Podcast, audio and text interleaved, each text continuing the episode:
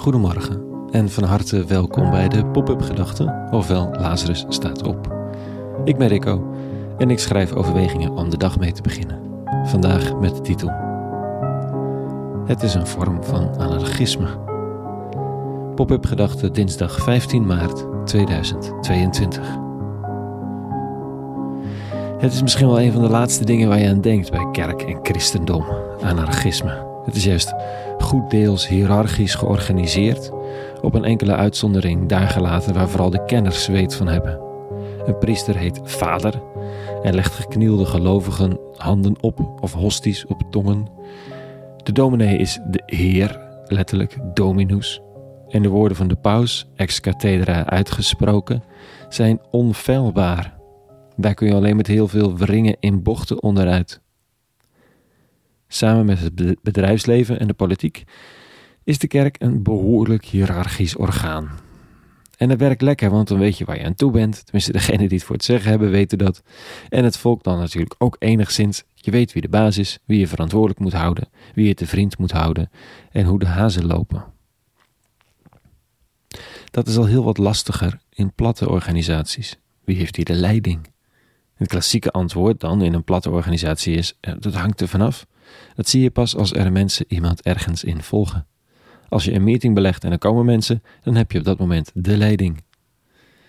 Consensus, eigen initiatief, eigen verantwoordelijkheid. Dat hoort in platte organisaties. Wat soms resulteert in hele lange gesprekken, chaos, ruzie of informele leiders die alle touwtjes in handen hebben, maar waar je niet van af kunt omdat ze nooit officieel zijn aangesteld. Dus afzetten is er dan ook niet bij. Hmm, wat is de kerk dan? Of eigenlijk, wat is het ideaaltype voor de mens volgens christendom? Als de kerk een soort oefenplek is van een gedroomde of gehoopte wereld, wat is dan het idee? Dit staat er vanochtend, een uitspraak van Jezus van Nazareth aan zijn leerlingen. Maar u moet u geen rabbi laten noemen. U hebt maar één meester en u bent allen broeders.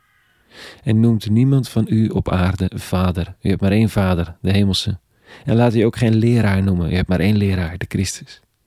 Wie de grootste onder u is, moet uw dienaar zijn. Rabbis lieten zich ook in die tijd hun hiërarchische positie aanleunen, genoten wel van gezag en aanzien her en der. En Jezus komt met een contrast. In de wereld die hij aan het bouwen is, heet er niemand pater of vader. En als die dat wel claimt, dan domweg weigeren die naam te gebruiken. Ik kan me voorstellen dat eenzelfde iets geldt voor dominee, heer of heer der huizes, dominant komt er vandaan, de baas zo gezegd. Mocht iemand zich zo noemen, domweg niet gebruiken.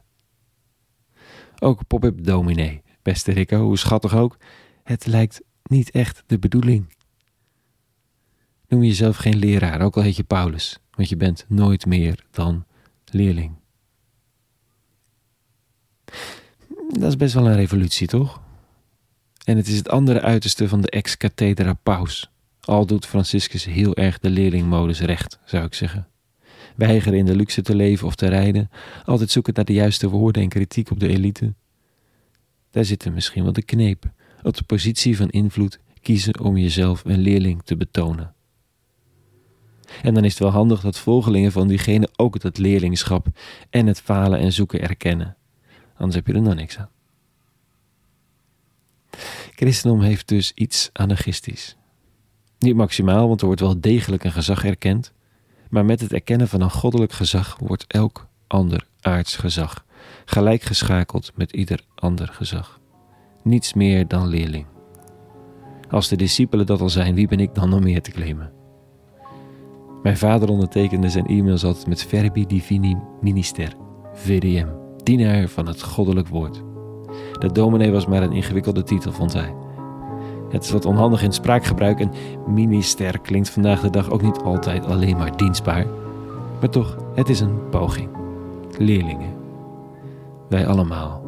En heb je een positie, dan hoogstens ten dienste van de ander. Mooi streven. Tot zover vanochtend. Een hele goede dinsdag gewenst. En vrede. En alle goeds.